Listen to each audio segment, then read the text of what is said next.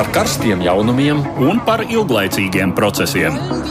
Par idejām, par cilvēkiem, par naudu un par laiku. Par abām mūsu planētas puslodēm, un lietojot abas smadzeņu puslodes. ēterā raidījums divas puslodes. Edvards Liniņš, Aizs Tamsons saka, ka jums labdien! Šis ir redzējums divas puslodes, kad runājam par aktuālu ārpus Latvijas robežām. Tiesa šoreiz gandrīz visa saruna būs par notiekošo tepat kaimiņos. Jā, jau četras diennaktis Baltkrievijā notiek ļoti plaši protesti pret prezidenta vēlēšanu rezultātu viltošanu. Tos pavada tikpat plaši un vardarbīgi aresti, ir daudz ievainoto, ir arī upuri. Kā tas viss beigsies, šobrīd vispār reti, kurš ir uzdrošinās prognozēt. Vēl jau pirms dažiem mēnešiem nekas neliecināja par šādu notikumu attīstību. Tā vien šķiet, ka Baltkrievi ir pārsteiguši paši sevi un arī spēka struktūra vardarbība nespēja cilvēkus iebaidīt. Mēs tuvākajā stundā pārnāsim, kādi ir iespējamie tālākie notikumu scenāriji. Un runāsim arī par to, kā uz notiekošo reaģēs pārējā pasaule. Un šajā kontekstā pieskarsimies vēl vienam jautājumam, kā pašreizējie notikumi varētu ietekmēt diskusijas par elektroenerģijas iepirkšanu no Baltkrievijas. Lietuva cenšas to nepieļaut nulle uzceltās atomelektrostacijas dēļ. Mēs raidījumā laikā sazvanīsimies gan ar Mīnsku, gan ar Baltkrievu tautieti tepat Latvijā. Studijā kopā ar mums šeit ir Austrumēropas politikas pētījuma centra pētniece Rīgas Traģiņu universitātes doktorāta. Jolanta Beata Livdāns. Labdien! Labdien! Bet kā jau ir ierasts, mēs sākumā veltīsim laiku dažām citām ziņām par citiem notikumiem īsumā.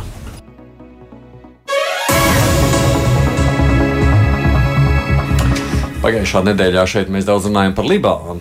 Kamēr Baltkrievijā protesti vien saskars ar tādiem brutāliem arestiem un skarbu, varas iestāžu pretreakciju šķiet Libānā tautai ir izdevies panākt zināmas pārmaiņas. Sestdien Beirutā notika ļoti plašs, arī asiņains, diezgan protesta akcijas, kurās tauta pieprasīja politiķu nomaiņu un vainīgo tiesāšanu par sprādzienu Beirutas ostā.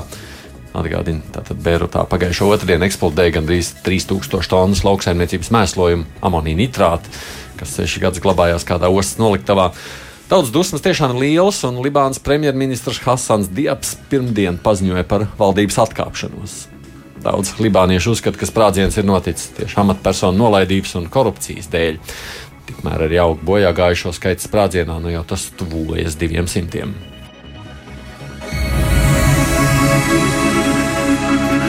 Jaunais koronavīrus turpina plosīties un arvien pārliecinošāk atkal atgriežas Eiropā, vairojot bažas par kārtējo karantīnas atsākšanos. Tikmēr interesants ir kāds pētījums par viltus ziņām, kas cirkulē internetā saistībā ar Covid.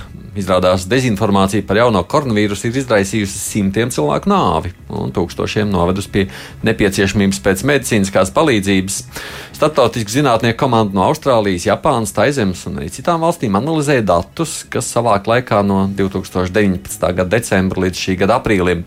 Un tie rāda, ka aptuveni 800 cilvēki ir miruši no ļoti stipra alkohola sadzeršanās, lai iekšķīgi dezinficētu ķermeni.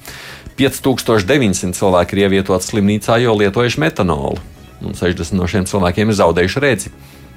Indijā cirkulējošā dezinformācija noved pie tā, ka cilvēki šajā valstī dzēra govju urīnu un mēslus, cerībā, ka tas pasargās viņus no jaunā koronavīrusa. Savukārt Saudārābijā par aizsarglīdzekli uzskatīts kamieļu urīns. Zinātnieki aicinājuši valdības un starptautiskās organizācijas labāk novērot dezinformāciju internetā un sadarboties ar sociālo mediju kompānijām, lai izplatītu patiesu informāciju. Interesanti šodien ir bijusi ziņa par Krievijas prezidenta paziņoto, ka Krievijā jau ir gatava vakcīna pret covid-19. Maskava apgalvo, ka vakcīnas, vakcīnas sniedzot ļoti noturīgu imunitāti pret vīrusu, atrodas pēdējā izmēģinājuma posmā, kurā piedalās 2000 cilvēku. Jaunā vakcīna nosaukt par Sputnika 5, godinot PSRS satelītu. Bet no ASV galvenais eksperts infekcijas slimību jautājumos, Antonius Fauci un arī daudz citi rietumu zinātnieki, ir apšaubījuši šīs vakcīnas drošību un efektivitāti. Kā viņi skaidro, tad tik ātrā laikā pat tehniski nav iespējams izstrādāt drošu vakcīnu, kas ir pilnībā pārbaudīta un uzticama. Līdz ar to rietumos visticamāk šādu vakcīnu nereģistrēs, bet nu varētu to pamēģināt trešo valstu cilvēki. Piemēram, Filipīnu prezidents Rodrigo Duterte ir paziņojis, ka ir gatavs pats personīgi izmēģināt šo Krievijas izstrādāto vakcīnu. ASV Demokrāta partijas prezidenta amata kandidāts Joe Bidenis šodien izraudzījās viceprezidenta amata kandidāti, ja gadījumā viņi ievēlēs par prezidentu. Ņemot vērā pēdējā laika notikums cīņā pret rasismu, tā Baidena izvēle ir vērā ņemama. Viņš šim amatam izvirzīs senatoru no Kalifornijas Kamalu Harisu, kas ir kļuvusi par pirmo šim amatam izraudzīto afroamerikānieti. Baidens šādi atzīst, ka afroamerikāņu vēlētājiem būs svarīga loma, lai viņš vēlēšanās novembrī gūtu uzvaru pār Donaldu Trumpu. 77 gadus vecais Baidens raksturojas 55 gadus veco Harisu kā bezbailīgu cīnītāju un vienu no labākajiem valsts dienas darbiniekiem. Jāpiebilst, pirms tam simt prominentu afroamerikāņu vīriešu pirmdien publicētā atklātā vēstulē mudināja Baidenu tieši viceprezidenta amatam izraudzīties melnādainu sievieti. Harijs pat arī kandidēja prezidenta amatam, bet nu, priekšvēlēšanās lielu atbalstu neguva. Vairums Skotijas iedzīvotāju atbalsta neatkarību no apvienotās karalists, un tas ir secināts pēc laikraksta The Times pasūtījuma veikts aptaujas. 53% Skotijas iedzīvotāji teikuši, ka viņa referendumā balsotu par neatkarību. Un salīdzinot ar janvāru, šīs neatkarības atbalstītāja proporcija tikai augusi vēl par 2% punktiem. Un tas ir augstākais atbalsts Skotijas neatkarībai līdz šajā pētījuma vēsturē. Tā ir kārtībā aptauja, kas liecina, ka atbalsts Skotijas neatkarībai pieaug, un tas savukārt vēl uztaigāks var padarīt prasības pēc vēl viena referenduma šajā jautājumā. 72% respondenti teikuši, ka Skotijas pirmā ministre Nikola Stēržena ar pienākumiem galā tiek ļoti labi vai samērā labi. Savukārt par Džonsonu šāds vērtējums ir tikai 20% skotu.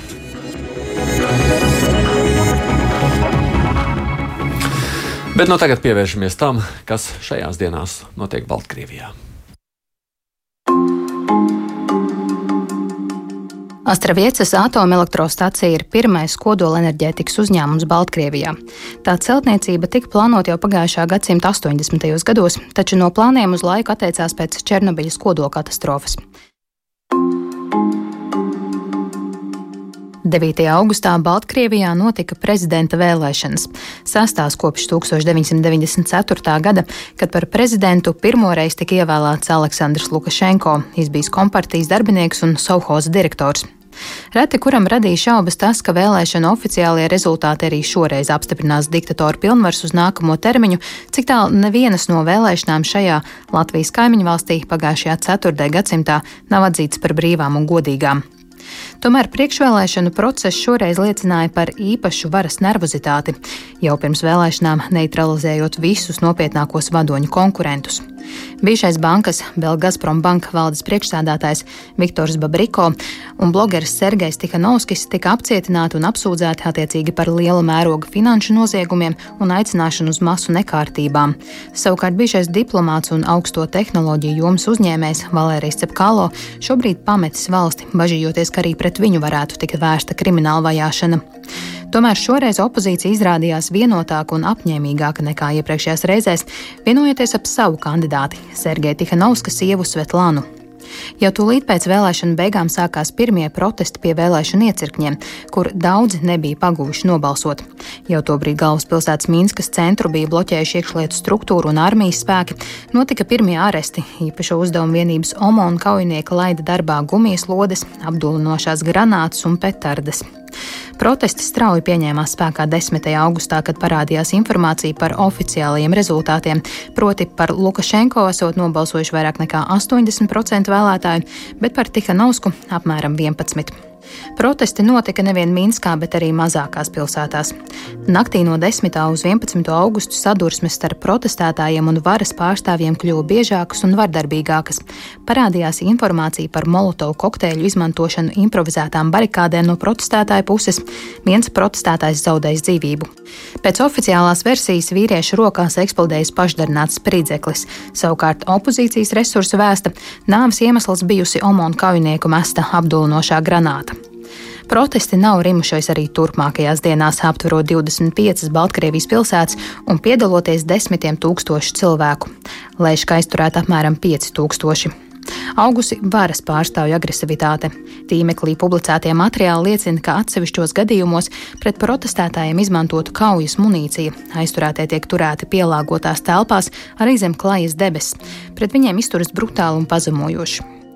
Prezidenta amata kandidāte Svetlana Tikanovska pamatusi valsti un 11. augustā ieradusies Lietuvā. Pirms tam viņa apmeklēja Centrālās vēlēšanas komisijas biroju, kur tapis acīm redzami piespiedu kārtā ierunāts video vēstījums, aicinot pārtraukt protestus. Savukārt citā, jau pēc robežas šķērsošanas publiskotā ierakstā, opozīcijas līderis skaidro savu emigrēšanu ar bažām par pašas un bērnu drošību. Eiropas Savienības un Eiropas valstu līderi pagaidām pauduši tikai nosodījumu un aicinājumus ievērot tiesiskuma un demokrātijas principus, taču sagaidāms, ka jau tuvākajās dienās pret Baltkrievijas amatpersonām tiks noteiktas sankcijas. Atgādini šeit studijā arī Beata Lipdāns. Kā jūs raksturot to notiekošo, kas tur ir? Ir tā situācija sliktāka nekā domājāt pirms tam vai paredzējāt? Mm, es domāju, ka tas, kas šobrīd notiek Baltkrievijā, noteikti sākotnēji izskatās līdzība ar 2010. gadu, kad prezidents asi izrēķinājās ar opozīcijas pārstāvjiem un arī pēc tam ar protestētājiem pēc vēlēšanu rezultātiem. Taču tas, ko vērojam šobrīd, nu, redzam, ka ir pārkārtas visas sarkanās līnijas, tas, kā valdība un arī šie drošības spēki izrīkojas ar protesta dalībniekiem, kas sākās kā mierīgi protesti, nu, šobrīd tā jau ir klāja spēka izrādīšana, un patiesībā šī situācija ir patiešām šausminoša, jo redzam, ka ir cietuši arī mazi bērni. Nu, pat internetā parādījās arī ziņas par vakardien cietušu piecus gadus vecu meiteni, kurai ir sadauzīta galva un ir diezgan smagas galvas traumas. Šie drošībnieki nešķiro nevienu. Līdz ar to situācija viņa noteikti ir pārsteidzoša ar to, ka kā varas iestādes izrīkojas ar šiem protestētājiem, kā arī cik cik, cik cilvēki ir vienoti pēc šīs vēlmes, pēc pārmaiņām. Jā, jā, divas lietas paralēli. Ko tu domā, kā tu gaidīji, ka, kā tie notikumi varētu attīstīties? nu, šiem notikumiem, iespējamai notikuma attīstībai, protams, ir vairāki scenāriji par to, kas vispār notiek Baltkrievijas varas elitē un sevišķi spēku struktūru vadībā, nu, kura nepārprotami tomēr pieņem tiešos lēmumus. Eh, par to informācijas vispār trūkst, eh, kā zināms, kā Eiropas Savienībā vispār tā mm, eh, arī žurnālistiem. Un, līdz ar to ir to varas iestāžu reakciju tā detaļās prognozēt nebija grūti, nebija viegli, lai gan nu, vispārējie priekšstati, respektīvi tiem vispārējiem priekšstatiem, viss notiekošais atbilst. Tātad šī vara Uh, ir diezgan uh, uh, ciniska savā izrīcībās, brutāla. Mm, tā lieto klajus, kā jau kolēģi to raksturoja, spēka izrādīšanas paņēmienus, nekautrējas, nevairās ne no kādiem līdzekļiem. Nu, tas, kas varbūt ir runājot par sarkanajām līnijām, zināms pārsteigums, ka tiešām nu, jau parādās šaušana ar kaujas munīciju, varbūt ne gluži teiksim, ar automātu pūlī. Bet nu, tas konkrētais video ieraksts, kas ir skatāms internetā, no garām braucoša, nemarķēta autobusiņa tiek šauts un cilvēkam trāpa plaukstā, nu nepārprotami ne ar gumijas lodi. Ja? Ar gumijas lodi trāpot plaukstu necauršauji. Šajā gadījumā tā tad nepārprotami ievainojums, nopietns ievainojums. Un, Mm, nu, tā ir. Tā ir teiksim, Un cilvēks ar sunu staigā tajā brīdī. Jā, cilvēks, kurš vienkārši atrodas uz ielas tajā brīdī, viņš pie tam e, ierakstā ir dzirdams, e, viņi ir divi, acīm redzot, vīrs ar sievu, un viņš saka, nebēgam, ja paliekam uz vietas, tā tad mēs, mēs nepiedalāmies. Ja mēs, mēs esam vienkārši garām gājēji ar visu savu. E, tas mazliet, teiksim, atgādina tos priekšstats, kādi ir par uh, Krievijas impērijas, par cara varas rīcību, nu, teiksim, 5. un 6. gada revolūcijas laikā, kad, teiksim, kazaki varēja mesties ielās ar, uh, ar nagaikām un zobeniem un kapāt visus, kas tur atrodas bez, uh, bez izšķirības, un uh, varēja sākties šaušana uh, jebkurā brīdī, un šaušana, pie kam uh, droši vien arī jāsaka uh, uzreiz uh, no vienas un no otras puses. Uh, jo Nu, jāsaka tā, ka uh, Kievas pēdējais Maidans droši vien arī nav palicis uh, Baltkrievijā nepamanīts. Uh, iespējamība, ka Baltkrievijas opozīcija kas nav vienota, kas ir, kas ir faktiski nu, tāda stihiska kustība. Tur nav kādas vienotas organizācijas, tur nav kāda centra, Nē. kas pieņemtu lēmumus, bet ka šie cilvēki arī var ķerties pie radikālākām metodēm, pie, tiešām pie kādiem molotovu kokteļiem, pie kaut kādiem privāti īpašumā esošiem šaujamieročiem un tam līdzīgām lietām, kā tas bija Kijevā.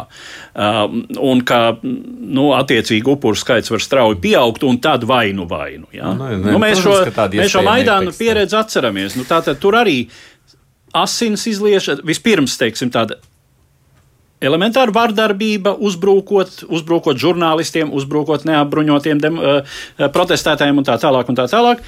un tad jau parādās no vienas un no otras puses jau teiksim, tādu letālu līdzekļu lietošana. Tas sasniedz kaut kādu kritisko punktu, un kad nu ir vainu vainu. Bet nu, šobrīd tā tas tur nav. Mēs skatāmies nu, no tiem protestētāju puses, tur vardarbība ļoti nosacīta. Vismaz tur drīzāk varas iestādes par to runā nekā nē. Mēs esam sazinājušies šobrīd ar režisoru Ulu Cipstu, kurš šajās dienās ir Mīnskā, jo tur uzņem seriālu. Labdien, jūs mūs dzirdat? Jā, labdien, labdien. dzirdu. Kā jūs tur izjūtat to, kas šobrīd notiek Baltkrievijā?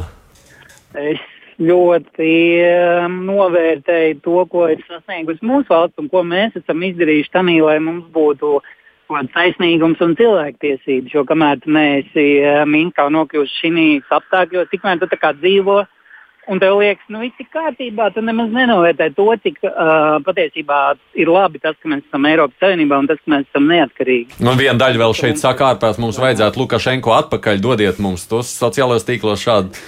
Šādus paziņojumus mēs redzam diezgan daudz. Jā, viņus ir sāpīgi lasīt, tādēļ, ka tad, kad es aizbraucu uz Baltkrieviju pirms diviem mēnešiem, uh, patiesībā man pat bija tādas pašas domas, jo šeit ir kārtība, tīrība, šeit ir ļoti liela drošība uz ielām.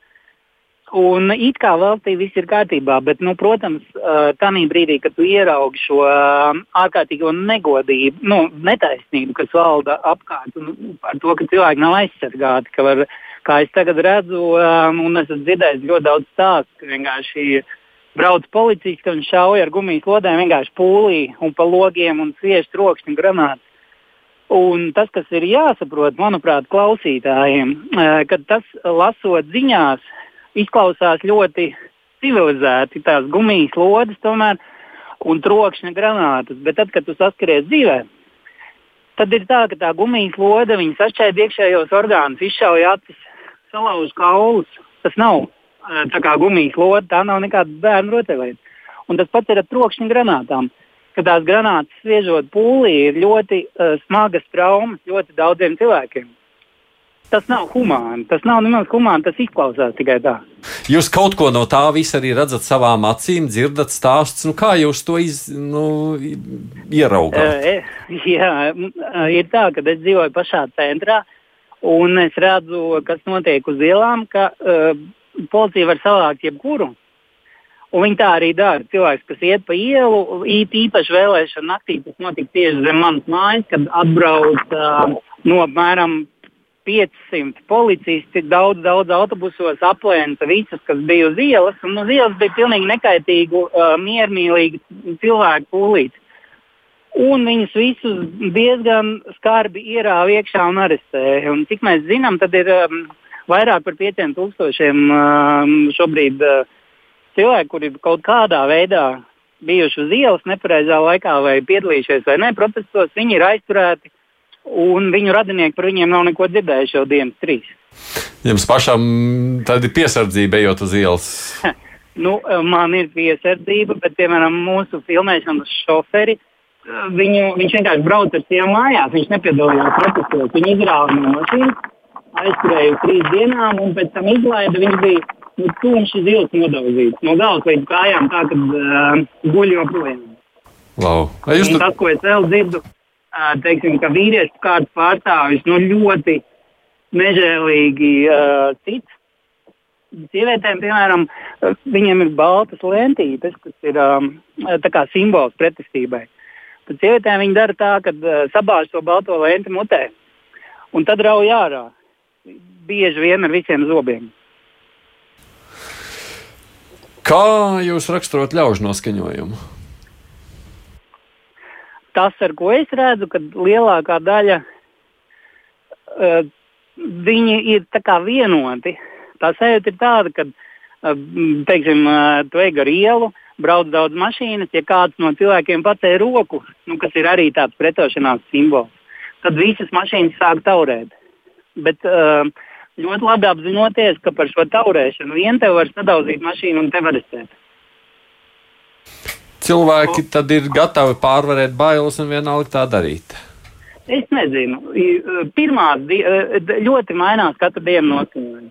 Teiksim, vēlēšanu vakarā bija tāds patiesībā tāds foršs uzrāviens, kā, kādi mēs esam vienoti.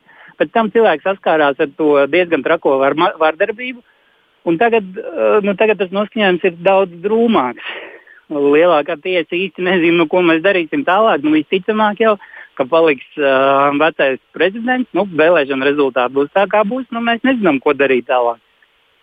Tas nozīmē, šobrīd ir neziņa. Tā to varētu raksturot. Šobrīd ir neziņa. Viņi ir nomainījuši taktiku, uh, piemēram, kas ir ļoti efektīva taktika.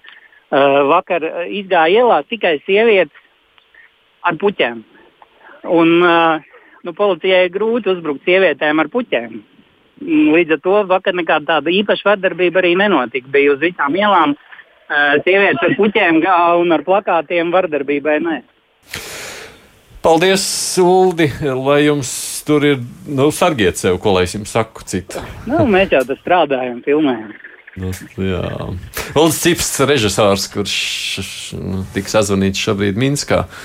Um, kā jūs prāt, tas viss var beigties? tu jau otrais vai, Nā, bet vai tas, ir, tas, uzdod bet tas ir droši vien tas pamatjautājums, ko Jā, nu, gribas. tas atkal ir jāatkārtojas. Tas var beigties kādā brīdī.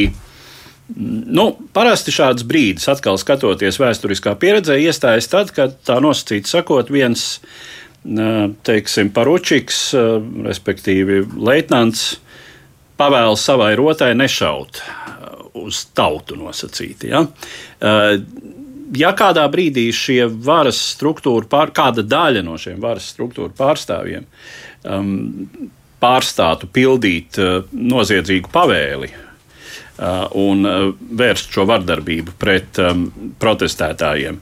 Tas, uh, protams, iezīmētu lūzumu. Tas tad visdrīzāk uh, scenārijs būtu līdzīgs kā Kijevā. Nu, Lukašenko nāktos ar uh, īpašu reisu pamest valsti, nu, un tad tālāk atkal ir jautājums, kas notiktu tālāk. Jo mm, tāpat kā Ukraiņas gadījumā, arī Baltkrievijā šis režīms ir ļoti cieši saistīts ar Krieviju, vēl daudz ciešāk nekā tas savā laikā bija ar Janukoviča uh, varu uh, Ukrainā. Uh, tas ir šī sadarbība, šī sasaiste ir ļoti iecementēta, gadu desmitiem ilga. Ekonomiskā, Baltkrievijas ekonomiskā atkarība no Krievijas un Krievijas savukārt. Teiksim, Baltkrievijas loma nepārprotami Krievijas uh, arī ģeopolitiskajos, strateģiskajos plānos. Uh, kas arī ir viens faktors, kas uh, daudzus, es domāju, Baltkrievijā attur no radikālām darbībām pret režīmu. Bailes, ka uh, tiešām sekos iejaukšanās no ārienes, no, no Maskavas puses. Uh, bet, uh, nu, ticamāks droši vien ir scenārijs, ka arī šoreiz vara varētu uh, tomēr šos protestus apspiest.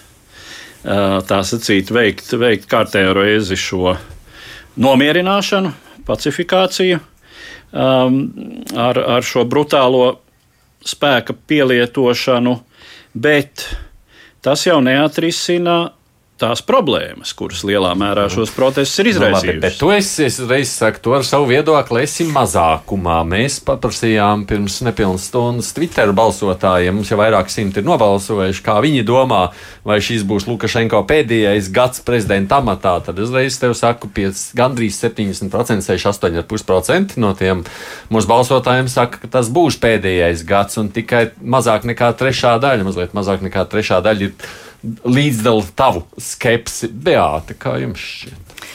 Um, man šķiet, ka tas ir uh, ļoti svarīga detaļa, ko vajadzētu akcentēt un ko patiesībā akcentēja arī uh, Cipsta kungs. Uh, ka šobrīd ir vērojams tas, ka šajos protestos uh, trūkst uh, kaut kādas vienotības. Viņi respektīvi jau sāk zust. Un uh, tas, kas ir vislielākais zaudējums, kur patiesībā vinnē Lukašenko savā ziņā, ir šī Svetlana Stihanovskas uh, izbraukšana no valsts.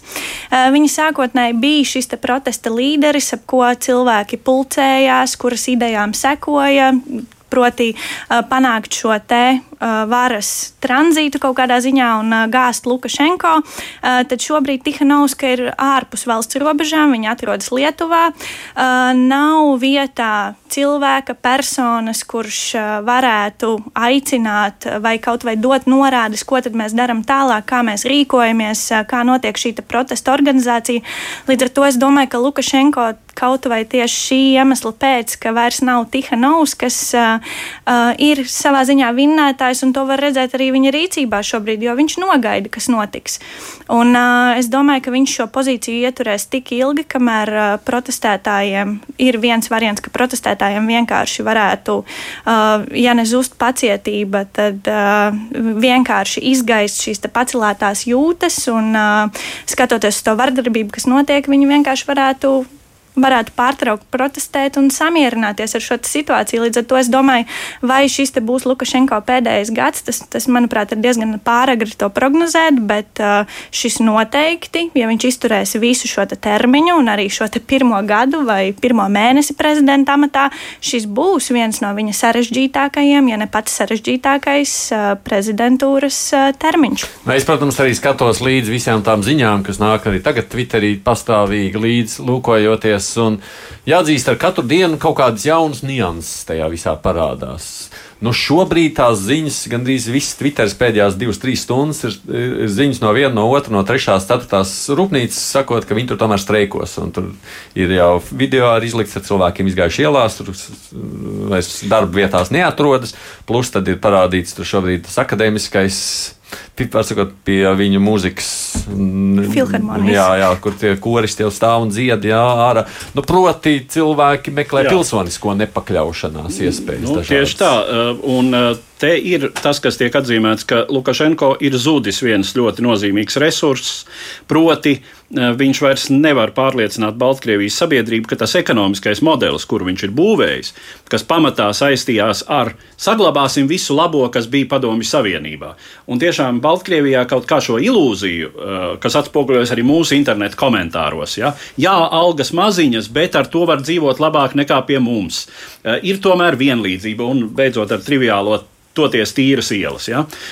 Tad šis vairs īsti nedarbojas. Uh, jo parādās tas, ka nu, šis ekonomiskais modelis, cik tālu Baltkrievijā nav naftas un gāzes atradņu, un pat ja, tas, ja tādas būtu, tad um, naftas cenas pasaulē vairs nav pietiekamas. Krievija, kas lielā mērā tomēr ekonomiski piebaroja Lukašenko režīmu pret uh, attiecīgām politiskām, um, politisku piekāpšanos.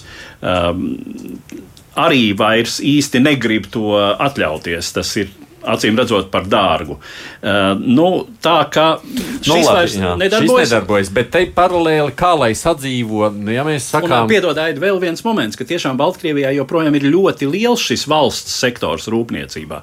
Līdz ar to streiks.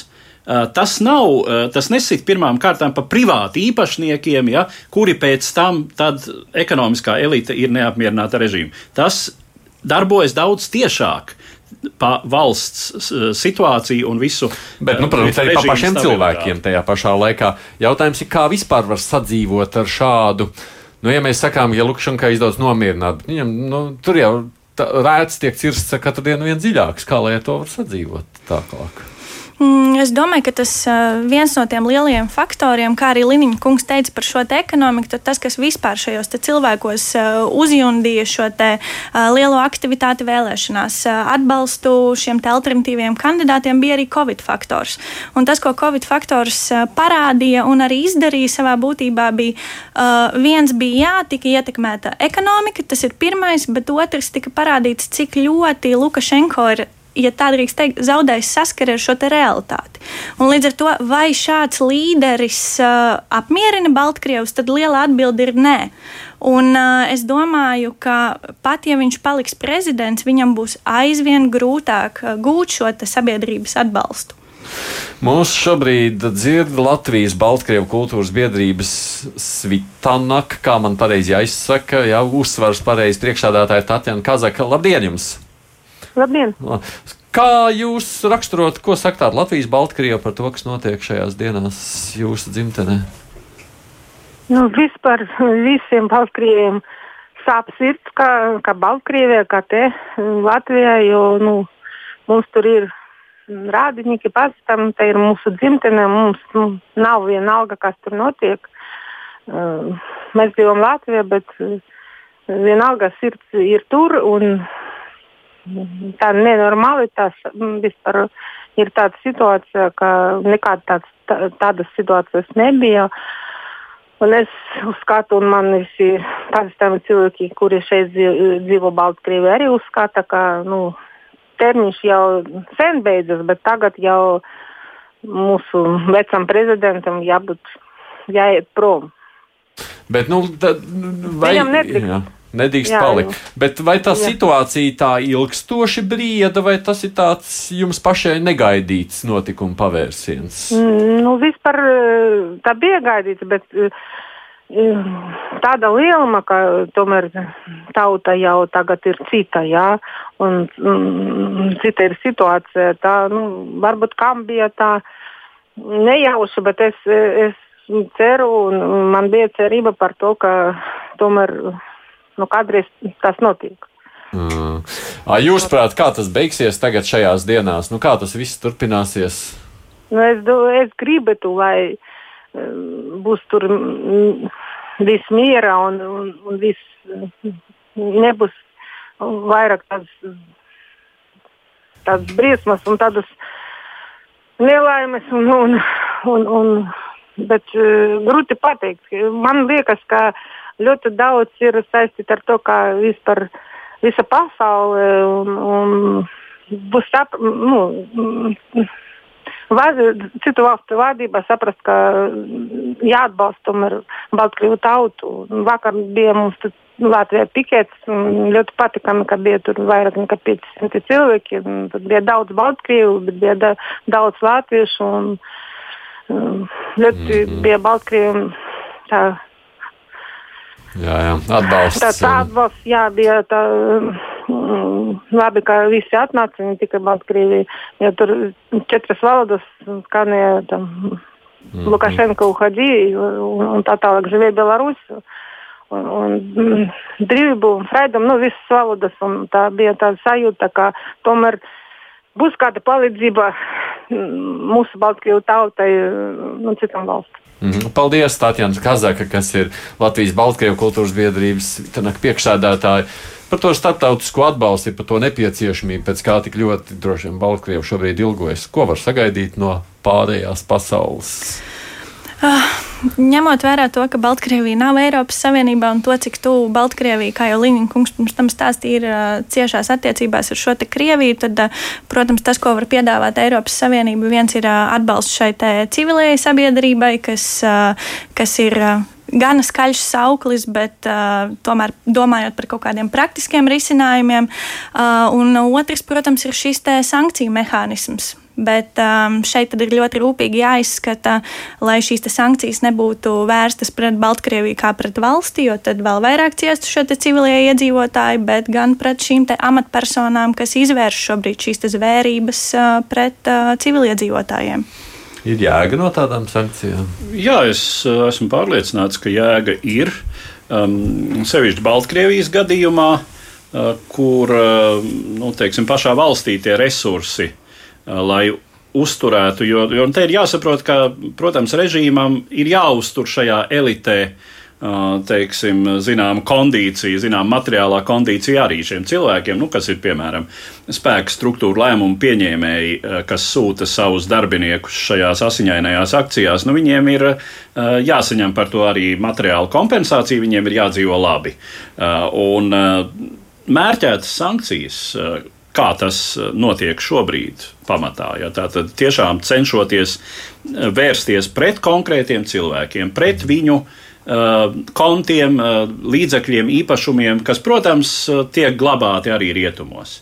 Kā visos šajos gadījumos. Tātad šīs sankcijas ir pietiekami iedarbīgas. Um, nu, protams, ir, ir jautājums uh, atkal ievērojot, uh, cik, uh, kā ir būvēts tas Baltkrievijas varas modelis, ka tur, protams, arī šīs ekonomiskās intereses lielā mērā saistās ar privāto šo, šo nu, klāna vai, vai, vai ap to esošo ļaužu grupu, um, un viņi kontrolē salīdzinoši lielu daļu no ekonomikas, uh, tad um, nu, jautājums ir, vai daudzos gadījumos tas neskars arī konkrētu um, rūpnīcu, biznesu darbiniekus, uh, kuri ir saistīti ar šādiem cilvēkiem. Nu, droši vien, kas skars. Ja? Uh, Tā kā, bet, bet jebkurā gadījumā es esmu pārliecināts, ka sankcijas tas ir primārais un galvenais. Ne, es, piemēram, vēl vienu lietu, ko es skatos, interesanta ziņa šodien, jā, mēs redzam, ka tajā vietā, kur ir gājis bojā tas viens no tiem akcijā, protesta akcijas bojā gājušajiem, šodien ierodas dažādu valstu vēstnieki nolikt ziedus. Apkārt pulcējas tautu masa.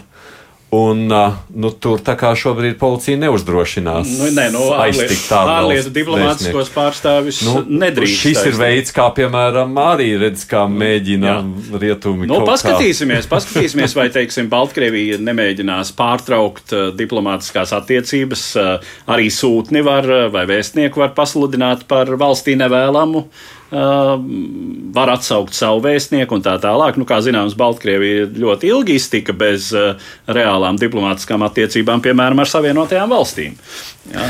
Bet, ja skatāmies no opozīcijas prasību viedokļa, viņi saka, ka viņi ļoti gribētu, lai rietumu pasauli vispār neatzītu Lukašenko kā leģitīmu prezidentu, pasludinot Tikanovsku, ka tā ir viņa. Kaut kas mazliet līdzīgs uz Venecijas stāstu par Gvaido. Ko tas palīdzētu vai nepalīdzētu, jūsuprāt? Uh, nu šeit eh, tas ir patiesībā ļoti grūti atbildāms jautājums, jo um, arī nu, mēs skatāmies eh, Tihanovskas kampaņu. Viņa bija vērsta uz to, ka viņa pati nevēlas būt prezidenta, viņa vēlas būt šis alternatīvais kandidāts, kas eh, pēc tam uh, nodrošinās godīgas vēlēšanas, varu atdos kādam citam. Līdz ar to viņai nav reālas programmas, uh, ko darīt situācijā, ja viņa tiktu paziņota, pa, tiktu pasludināta par šo prezidentu. Tad ir jautājums, ja viņa tiktu pasludināta par prezidenti, vai viņa spētu kontrolēt šīs drošības struktūras, vai drošības struktūras viņai uzticētos, pakļautos. Tas ir atklāts jautājums, un līdz ar to es kaut kādā ziņā domāju, ka varbūt tas pat, tas pat nav tas risinājums, kas Baltkrieviem šobrīd kaut Bet kādā ziņā spētu jā. palīdzēt. Nu, tas, tas būtu. Nu, no vienas puses tāds ļoti skaļš žests, bet no otras puses vairāk vai mazāk uh, bezsaturīgs. Jo nu, viena lieta ir Juans Gvaido, kuram tomēr ar neko nedēļu. Ir, pirmkārt, nu, respektīvi, otrkārt, neko jau arī būtībā nedēva, vai, vai deva visai maz. Bet um, nu, viņam vismaz bija teiksim, viena leģitimitātes, uh, leģitimitāti nodrošinoša struktūra. Tur bija zināma pretstāva valsts iekšienē. Tihanovskai nekādas varas bāzes Baltkrievijā nav. Ir atbalsts no sabiedrības, bet tā ir viena lieta. Bet, nu, teiksim, pasludināt, ar, respektīvi, nav jēgas pasludināt Tihanovsku par de jure Baltkrievijas prezidenti, eh, ja ar viņu kā ar prezidenti nav par ko runāt šobrīd. Ja? Ar, ar viņu nu, neko nevar runāt kā ar Baltkrievijas prezidentu. Un šeit, protams, arī vēl, viens, vēl viena piebilde, ka viņi šobrīd atrodas ārpus valsts robežām. Tad būtu interesants jautājums par to, ja viņi tiktu pasludināti par šo prezidentu, tad kā viņi atgrieztos. Tas ir viens, un vai tauta viņu ar tikpat atplastām rokām šobrīd uzņemtu atpakaļ. Man te Mūsu producents saka, ka man tām vēstulēm vajag pievērst uzmanību. Es redzu, ka nāk cilvēki raksta vēstules. Varbūt no, vien, no tādām lietām, kas neapšaubām cilvēks interesē, un raksta, vai jūs varētu lūdzu ekspertiem pavaicāt, vai protests Baltkrievijā var radīt kādu domino efektu uz Krieviju. Un Krievijas iedzīvotāji varētu līdzīgi kaut kādā veidā iet kaut kādā solidaritātes gājienā vai kaut kas tam līdzīgs. Mēs jau, protams, redzam zināms notikums Maskavā un Sanktpēterburgā pie vēstniecības un konsulāta kur Krievijas policija tā uzmanīgi viņas slēdz stumji prom, tie nāk atpakaļ, bet nu, tur nekādas vairāk, lielākas Jā. fiziskas vardarbības nav. Nu, var atgādināt, ka mēs jau arī pirms kāda laika runājām par notikumiem Habarovskā, kas, starp citu, nav līdz galam aprimuši. Mm.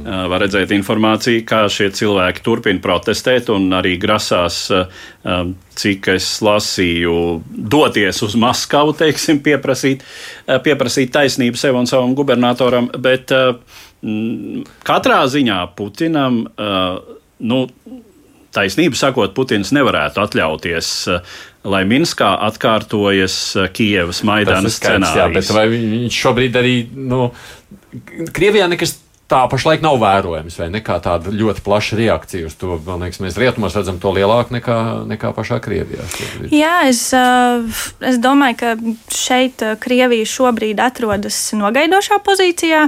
Um, es domāju, ka Krievija kaut kādā ziņā gaida, kāda būs tā rietumu atbilde, kura šobrīd vēl nav sniegta Baltkrievijai, un tad izējot no tā, pēc tam varēs arī vērtēt, vai uh, Krievija kaut kādā ziņā centīsies iesaistīties šajā procesā, vai arī paliks uh, malā nogaidoša un uh, pēc tam vēl ciešāk sakļaus Baltkrieviju savās skavās. Es atļaušos izteikt vienu absolūti spekulatīvu pieņēmumu, kas. Uh, kam man nav nekādu faktoloģisku pamatojumu, bet es pieļauju, ka šobrīd Krievijā tiek domāts par to, vai nevarētu atrast Baltkrievijas pašreizējā varas elitē kādu, kurš nomainītu apnikušo mm. baķu, nomainīt bildīti. Tas ļoti daudz ko atrisinātu.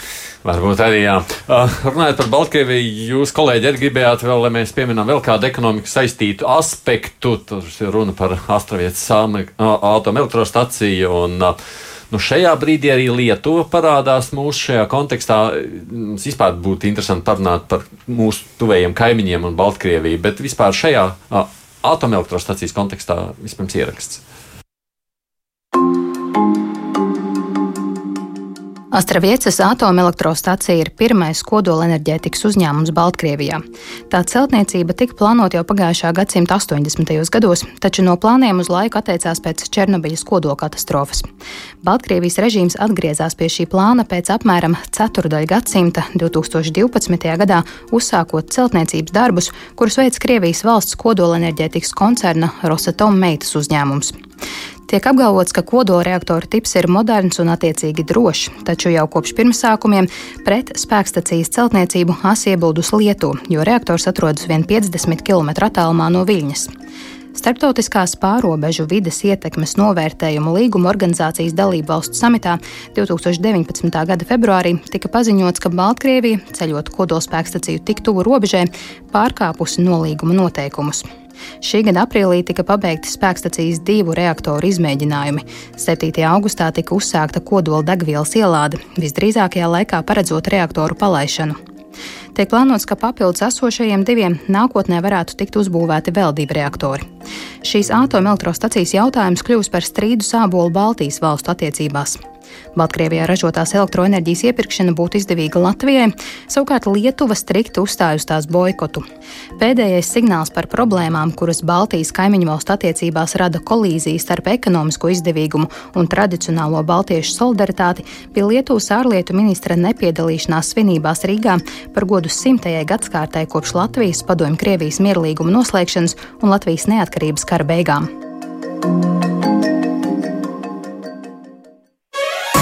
Divas puslodes. Atgādini, šeit ir Beata Livdāns, ka mēs ar Eduardu Liniņu runājot par visu šo savukārt, nu, liekas tā. Hmm. Ir īpaši to pēdējo dienu notikumu kontekstā, kad tā jānoliek pretī sankcijas pret mūsu kaut kādām finansiālajiem ieguvumiem. Skatoties uz visu to dramatiskiem notikumiem šeit, mēs sakām, nē, bet mums tur būs bišķi dažs centus lētāka elektrība, varbūt tāpēc mums kaut nu, kā negribam baigties. Latvijas pozīcija šai ziņā vienmēr ir bijusi mazliet, nu, teiksim, ievainojama, jo ekonomiskā ekonomiskās iespējas sadarbībā ar Baltkrieviju. Baltkrievijas tranzīts, eh, tie paši minerāli mēsli, kas lielā skaitā joprojām tiek eksportēti tieši caur Vēncpils ostu. Um, ir to dzīvību vērta, kas tur ir Baltkrievijā. Tā neviens ne, nesaka un neatļausies teikt. jā, bet tā, bet, ja es tā jautāju, tas, ir, tas neizklausās pēc šāda. Nu, tā, tā, tā tas pastāvīgi ir, un mēs jau reiz esam runājuši par to, ka pastāvīgi pasaules lielajā politikā mēs redzam šo izšķiršanos. Vai, teiksim, attiecības ar Ķīnu ir Ķīnas opozicionāru un tibetiešu un uh, uiguru dzīvību vērtas, vai nu, tā uz priekšu, jā, Beat, vai tas nav dramatiski? Uh, tas, protams, ir dramatiski, bet uh, es domāju, ka pēdējo dienu notikumi un arī šī Lietuvas uh, asā reakcija par to, kas šobrīd notiek Baltkrievijā, uh, arī daļa Gribauskaita šodien paziņoja, ka viņa aicina visus neatzīt Lukašenko kā leģitīmu prezidentu. Um, es domāju, tas dos uh, vēl vienu iemeslu visām trim Baltijas valstīm sēsties pie šī sarunu galda, uh, kur Lietuvas pozīcija noteikti būs stingrāka, ņemot vērā, protams, drošību drošības apstākļus un to, ka tīri praktiskā ziņā šī atomelektrostacija ja nu kaut kas ar to notiek, Lietuva būtu pakļauta šādiem riskiem vairāk. Līdz ar to es domāju, ka Baltijas valstīm ir gana grūts diskusiju periods gaidāms šobrīd. Mums ir šobrīd Reinis Āboltiņš, kurš ir enerģētikas eksperts, RTU pētnieks Reini. Labdien! Sveiki. Man faktiski jums ir tikai viens tāds lielais jautājums, ko es gribu saprast. Par kādu ieguvumu mēs runājam, ka ir vērts strīdēties šīs atomelektrostacijas dēļ. Tur ir kaut kas tāds, ka mums tur ļoti labāk, lielāka, lētāka elektroenerģija būtu pērkot no Baltkrievijas. Mana īsa atbilde, protams, ar līdzīgu humoru būtu teikt, nu, nē, es nesaprotu, par ko vispār te ir strīdēšanās un par, kādiem, par kādām centu simtaļām mēs šeit runājam. Uh, te ir vairākas lietas. Uh, viena lieta ir tā, ka pilnīgi no jauna uzceltai atomelektrostācija elektroenerģija nu, nekādi nevar būt ļoti lēta. Tas ir viena lieta, kas ir jāņem vērā. Tas ir mīts, ka atomelektrostācija, kuru jaunu palaista, var kādam pārdot elektrību par, uh, par smieklīgiem centiem, par ļoti zemu pašizmaksu. Uh, tas nav loģiski un, uh, un tas tā vienkārši nevar būt. Šobrīd atomenerģija atomstācijā, kas no jauna uzbūvēta, ir viena no nekonkurētspējīgākajām no ek ekonomisko izmaksu viedokļa. Mm. Un, uh, tur vēl interesanti būs, kā Somijam ar viņu Olkiloto 3 uh, veiksies ar, ar šīm izmaksām, jo kuras ir dubultojušās īstenībā būvniecības laikā.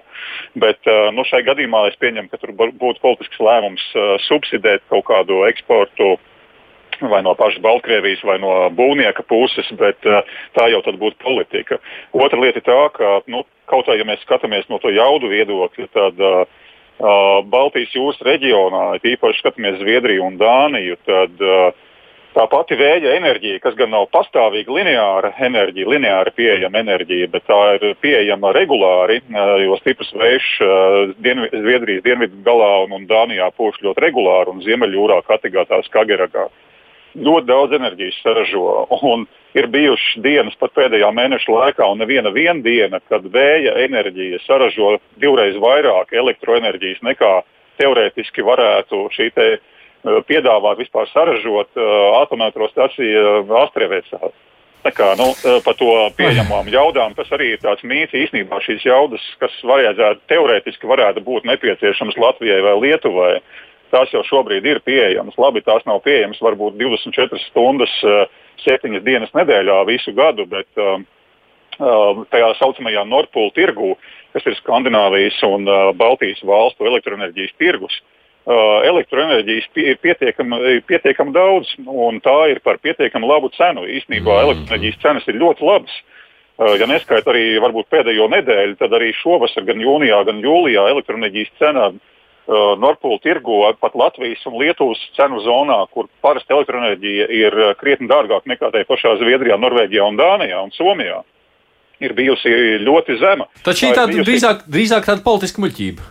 Es teiktu, ka šeit nav uh, liela izšķiršanās par to, nu, kaut kāda nezinu, dramatiska izšķiršanās par to, vai mums vajag uh, tos elektronus, kuri tiks saražoti Astravietas atomelektrostacijā, ja un kad tā tiks patiešām iedarbināta komerciālā režīmā. Mm -hmm. Es teiktu, ka tas ir milzīgs pārspīlējums. Um, raizēties par to, ka, lūk, jā, mēs gadījumā pateiksim, ka astravietas elektroenerģiju mēs nepirksim, ka tad mūsu energosistēma pēkšņi ies bojā kaut kādu iemeslu dēļ. Nu, līdz šim tā bojā nav aizgājusi, un uh, tas ir bez visas astravietas. Kā te vairāk es teiktu, runa ir par kaut kādu politisku izšķiršanos, protams, uh, mazliet no, no tā ārpolitiskā konteksta, no tā enerģētikas ārpolitikas konteksta, var teikt tā, ka Lietuva ir neapšaubāmi enerģijas deficīta zona. Lietuvieši importē ļoti daudz elektroenerģijas, viņi vienkārši visu nevar saražot uz vietas.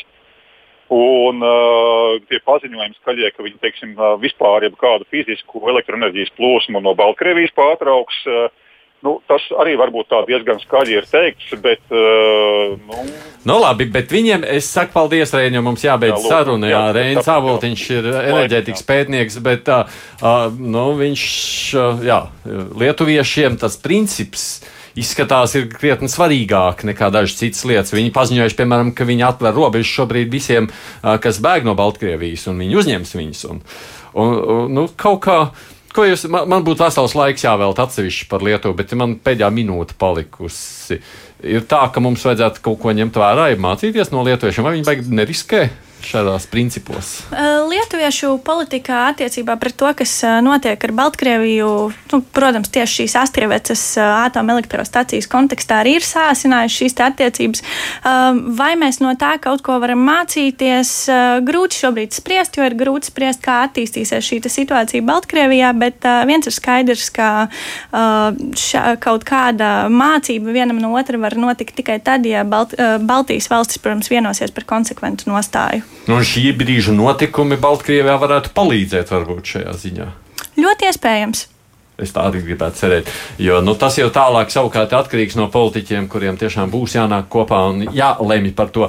Man ļoti daudz aspektu palika, par ko es gribētu izrunāt. Nu, gan mēs izrunāsim citā, citā reizē, bet uh, visnotaļ, nu, jā, visnotaļ Baltijas solidaritāte ir primārais. Viss pārējais ir sekundārs. Tā saka Edvards Liniņš, Beata Livdānska, kas ir Rīgas Traģiņu universitātes doktorants un arī Austrum Eiropas politikas pētījuma centra pētniece. Paldies jums, kā atnācāt šeit. Paldies, ka uzaicinājāt.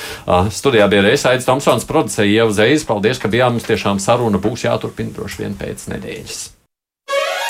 Divas puslodes!